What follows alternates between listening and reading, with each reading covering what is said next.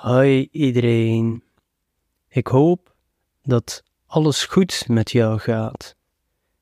Normaal vlieg ik voorbij die statements die ik net maakte, maar ik hoop dat echt. En dat bracht mij op het idee om deze week eens iets anders te proberen.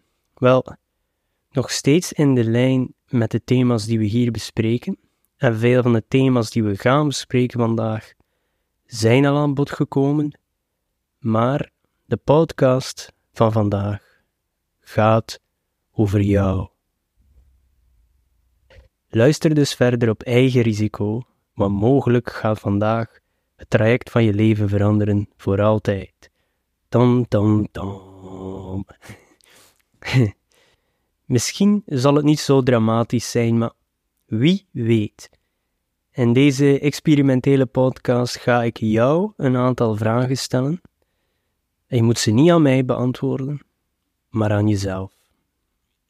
En gaandeweg zal ik de vragen ook beantwoorden of illustreren met mijn eigen ervaringen.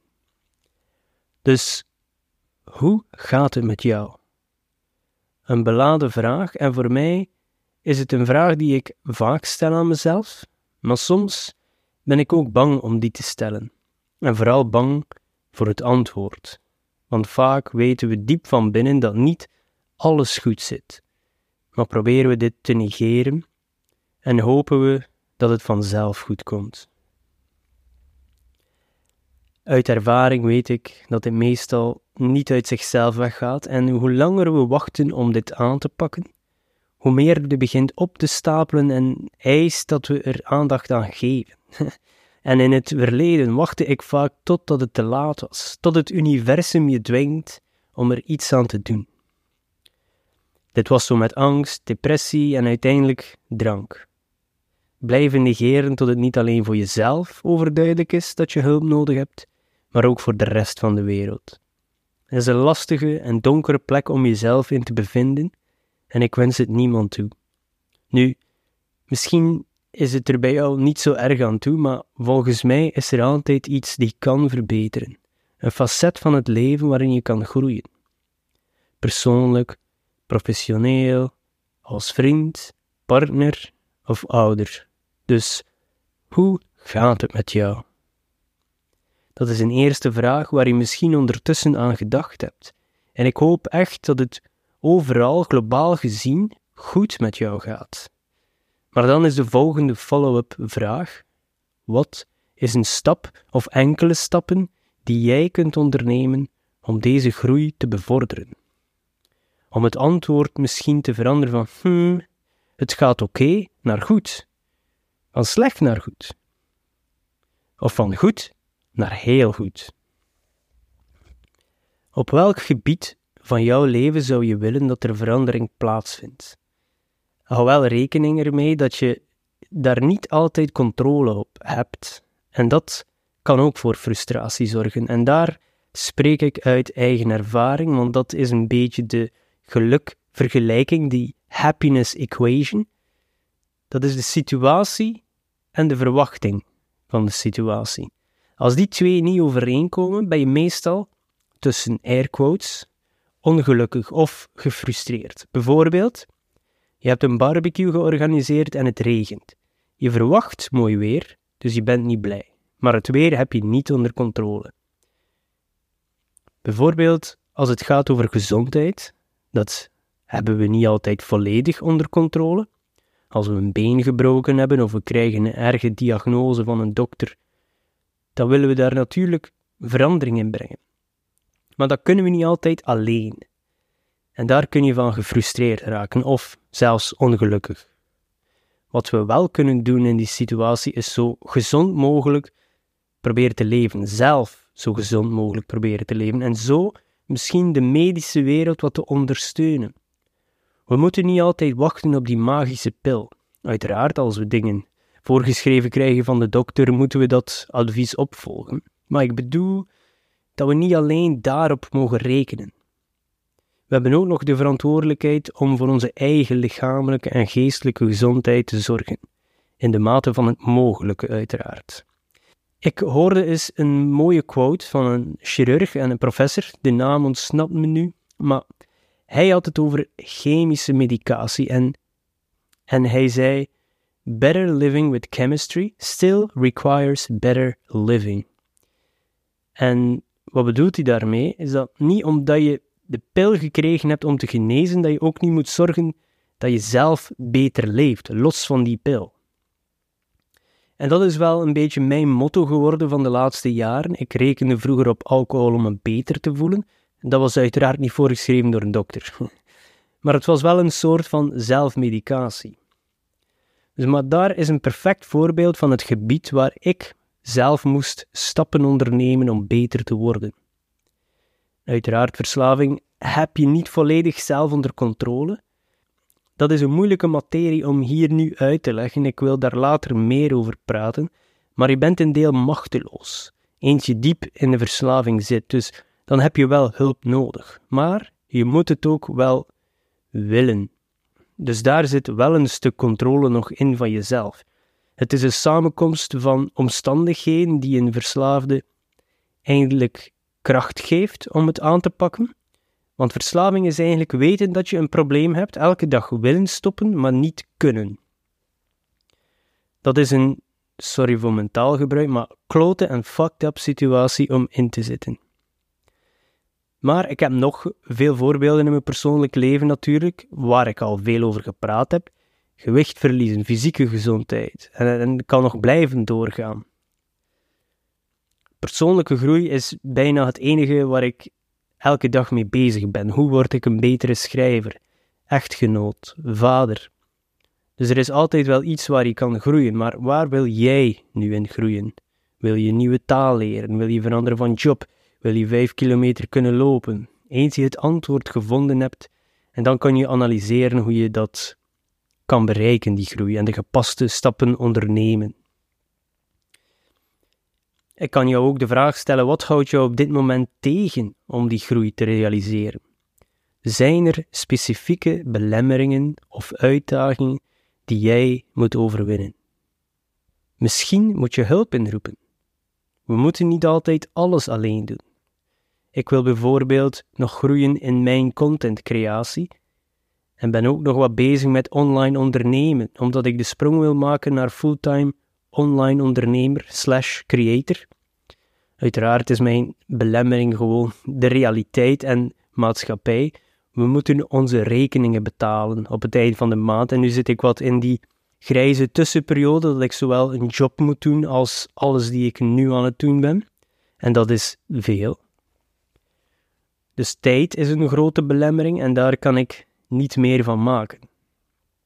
Behalve dan gezond leven en hopen dat ik lang kan leven. Dat heb je ook niet volledig zelf onder controle. Maar gelukkig heb ik een ondersteunende echtgenote die me al helpt met het beschermen van mijn schema en tijd. Daar heb ik in een vorige aflevering over gesproken. En ze helpt nu ook wat met het monteren van mijn YouTube-video's. Voorlopig is het enkel de eerste pass, zal ik zeggen, de first draft. Dus de slechte takes eruit halen, dat zijn er veel. ik verspreek me veel en ook de pauzes of de dode ruimte of de ums en de e's, dat is ook iets wat ik veel zeg. Dat is uh, typisch West-Vlaams gebruik. Dus dat is al een besparing van tijd waar ik mee geholpen ben. Daarna doe ik dan de andere, de b-roll, de beelden die bij de video komen, de muziek, de tekstoverlays, de thumbnails en de titels en het uploaden op YouTube. Dat doe ik voorlopig nog zelf. Maar soms moet men hulp inroepen, zelfs al geef je niet graag controle uit handen, net zoals ik. Of wil je misschien jouw mentale gezondheid verbeteren? Naar mijn mening is dit iets wat je dagelijks moet onderhouden, want het leven en de wereld gooit zoveel naar ons en we moeten ons daar zo goed mogelijk tegen wapenen. Dat is een uitdaging, maar ik vind dat je ook jezelf mag uitdagen op dit gebied en dingen proberen dat je misschien eerder nog niet hebt gedaan. Zoals een dagelijkse wandeling, dat is fysiek goed, maar ook vooral mentaal. Andere sporten, boeken lezen over dit onderwerp, podcasts luisteren en zelfs mediteren. Allemaal onderwerpen die hier ook aan bod komen en ook op mijn YouTube-kanaal.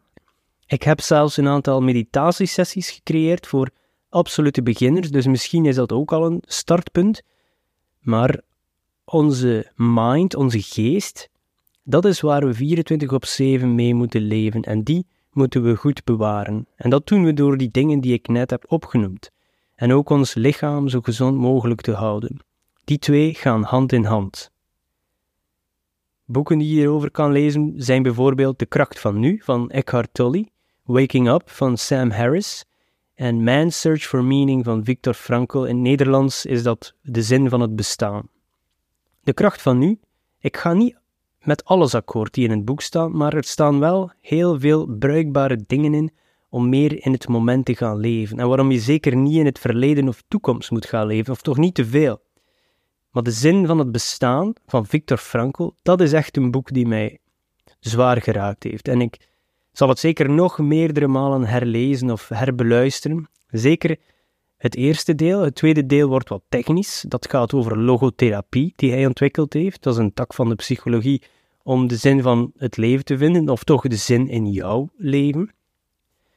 Maar het eerste deel gaat over hemzelf. Viktor Frankl was een neuroloog en psychiater, maar hij was ook een Holocaust survivor en hij praat over zijn tijd in een concentratiekamp. En zelfs daar vonden mensen zin in hun leven en humor. En dat is merkwaardig, maar vooral bewonderenswaardig. En het geeft je wel een ander perspectief over de uitdagingen waar jij momenteel mee te maken hebt. Toch als we stressen over de dagelijkse dingen van de maatschappij, en geloven me, dat doe ik ook vaak, maar als je dit boek aan het lezen of aan het luisteren bent, dan vergeet je die wel even en zeg je, hmm, misschien is die rekening die ligt te wachten op mijn keukentafel toch niet het einde van de wereld. Dus een belangrijk boek en eentje die ik iedereen zou aanraden. En dat brengt ons naar de volgende vraag die ik naar jou richt, want ik ben niet vergeten dat deze podcast over jou gaat. Ik illustreer met mijn eigen ervaring, zodat je context zou hebben en in de hoop dat er nu ideeën en antwoorden en ja, nog meer vragen in jouw hoofd rondspoken. Vragen die al lang dreven, net onder het oppervlak van jouw bewustzijn, maar nu boven komen drijven. En je misschien hoofdpijn zullen geven om de antwoorden te vinden, maar het feit dat je al op zoek bent, wil zeggen dat je ermee bezig bent en antwoorden zal je vinden. Ah, dat is toch de bedoeling? En er moeten niet altijd hele zware vragen of uitdagingen zijn. Groei en geluk zit ook vaak in de kleinste dingen. Hoe kan ik een betere kop koffie zetten s'morgens? Dat was niet de volgende vraag. Maar hoe ga je om met de stress van deze uitdagingen? Jouw copingmechanismen. Hoe ga je ermee om? Van mij was dat vroeger ongezond. Ongezonde copingmechanismes. Hè? Dat was feesten en drinken, tot het feesten wegviel en enkel drinken overbleef. Nu heb ik andere mechanismen om met stress om te gaan. Ik probeer het te doen door veel te lezen, te schrijven, sporten, gezonde voeding, mediteren en nu ook mijn slaap verbeteren. Al die dingen helpen mij om alle uitdagingen die het leven mij presenteert aan te gaan op een gezonde manier of een gezondere manier dan voorheen. Ik zeg niet dat je alles moet doen wat ik doe, maar wel dat we af en toe kritisch moeten kijken naar onze gewoontes en hoe we omgaan met stress en hoe we dat uiten. Naar anderen toe, maar ook naar jezelf. Kritisch, maar niet te streng natuurlijk. Want dat creëert alleen maar meer stress en wrijving in het leven. Dus gezonde copingmechanismen moeten we vinden. Dat is voor iedereen persoonlijk en anders. Dus hoe ga jij ermee om en wat kunnen we doen om gezonde copingmechanismen te vinden? Dankbaarheid kan daar ook deel van uitmaken. Het kan helpen om positiviteit te zien in jouw leven, die altijd wel te vinden is, zelfs al is het heel moeilijk, al moet je harder zoeken, zelfs al is het heel donker op dit moment, er is altijd wel een straaltje licht te vinden waaraan je kunt vasthouden tot je er nog meer ontdekt. Dus waar ben jij op dit moment dankbaar voor? Dat kan het feit zijn dat je s'morgens kan opstaan, de kop koffie in de ochtend, ik ben dankbaar als ik s'morgens kan wakker worden en mijn geliefden zijn nog in leven, want ik weet dat dit niet altijd zo zal zijn. En dat zal pijn doen wanneer die dag komt. En ik weet niet hoe ik met een heel zwaar verlies zal omgaan. Ik heb wel al mensen verloren, vooral vrienden. En dat doet pijn. Ik heb nooit echt grootouders gekend, dus dat verlies heb ik nooit echt ervaren. Dus mijn ouders zijn er nog, mijn schoonouders, mijn echtgenoten en mijn dochter. Daar mag ik zelfs niet aan denken. Daarom ben ik elke dag dankbaar dat ze er wel zijn. Want ik wil niet geconfronteerd worden met een verlies en dan zeggen: ah ja, ik had dit moeten zeggen of dit moeten doen. Uiteraard, met een druk leven moet je soms meer tijd maken voor geliefden. Dat is iets waar we allemaal kunnen aan werken. Maar dankbaarheid is een krachtig hulpmiddel. En zoals ik zei, dat kan voor de kleinste dingen zijn, zoals een lekkere kop koffie of een lekkere maaltijd of een stuk fruit die gewoon zo sappig en zoet is. Dat we dat mogen ervaren is voor mij al een privilege. Ik zei dat onlangs tegen mijn echtgenote. De smaak van een lekkere verse aardbei is gewoon al een reden voor de zin van het leven. Het is prachtig. En ik wil afsluiten met deze vraag. Het zal misschien een iets kortere aflevering zijn, maar ik denk dat je nog genoeg huiswerk hebt. Sorry daarvoor. En ik heb de vraag misschien al op een andere manier gesteld, maar misschien niet op deze concrete manier. Heb jij nog toekomstige doelen? Zo ja, wat zijn de stappen die jij kunt ondernemen om dat doel te bereiken? Ik vroeg al naar waar jij persoonlijke groei kunt bereiken, maar voor een doel, een droom, mag je misschien wel iets ambitieuzer zijn. Wil je een boek schrijven? Wil je 20 kilogram afvallen? Dat hoort misschien bij persoonlijke groei of persoonlijke krimping in dit geval. Wil je een appartement in Spanje of het zuiden van Frankrijk? Wil je zelf een zaak opstarten? Eens je het doel geïdentificeerd hebt, kan je dat gaan analyseren en eigenlijk vanaf je eindbestemming terugkeren naar waar je nu bent. Dus eigenlijk reverse engineering heet dat. Zo kun je de stappen identificeren om daar te raken.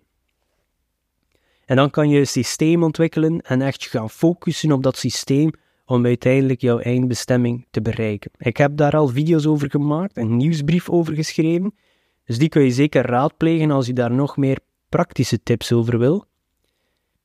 En na alles wat we nu vandaag besproken hebben, wat is één ding dat je wil veranderen of implementeren in jouw leven om jouw mentale gezondheid en persoonlijke groei te bevorderen? Als je een beetje bent zoals mij, is er van alles door jouw hoofd gegaan tijdens deze podcast. Gedachten, vragen, ideeën.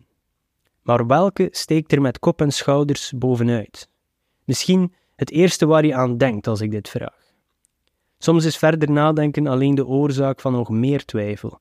En dan ga je weer alles uitstellen. En dan de laatste vraag. Als je jezelf nu een boodschap wilt sturen, voor een jaar vanaf vandaag. Wat zou je tegen jezelf willen zeggen? En je zou het eigenlijk in twee richtingen kunnen bekijken. Je kan jezelf binnen een jaar nemen, dus je toekomstige zelf, en dan je huidige versie de vraag stellen. Wil je dit bereiken? Doe dan dit. Een uiteraard meer voor de hand liggende vraag is gewoon: neem jij nu, vandaag, en stel dan de vraag aan je toekomstige zelf: heb jij jouw doel bereikt? Je zou zelfs op deze datum, volgens mij komt deze podcast uit op 20 juni 2023. Moest dat een andere zijn, neem dan die datum. Dus je zou eigenlijk een herinnering op 20 juni 2024 kunnen zetten in je digitale agenda of een papieren agenda met deze vraag erin. Heb jij jouw doel bereikt?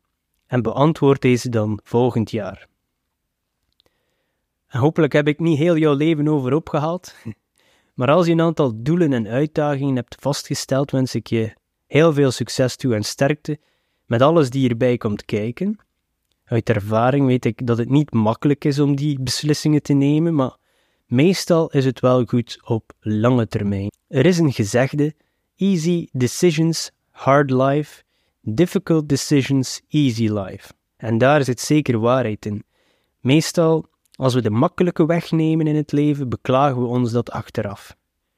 Soms moeten we eerst ons hoofd pijnigen, moeilijke beslissingen maken in het huidige moment en dan zullen we de vruchten hiervan later oogsten.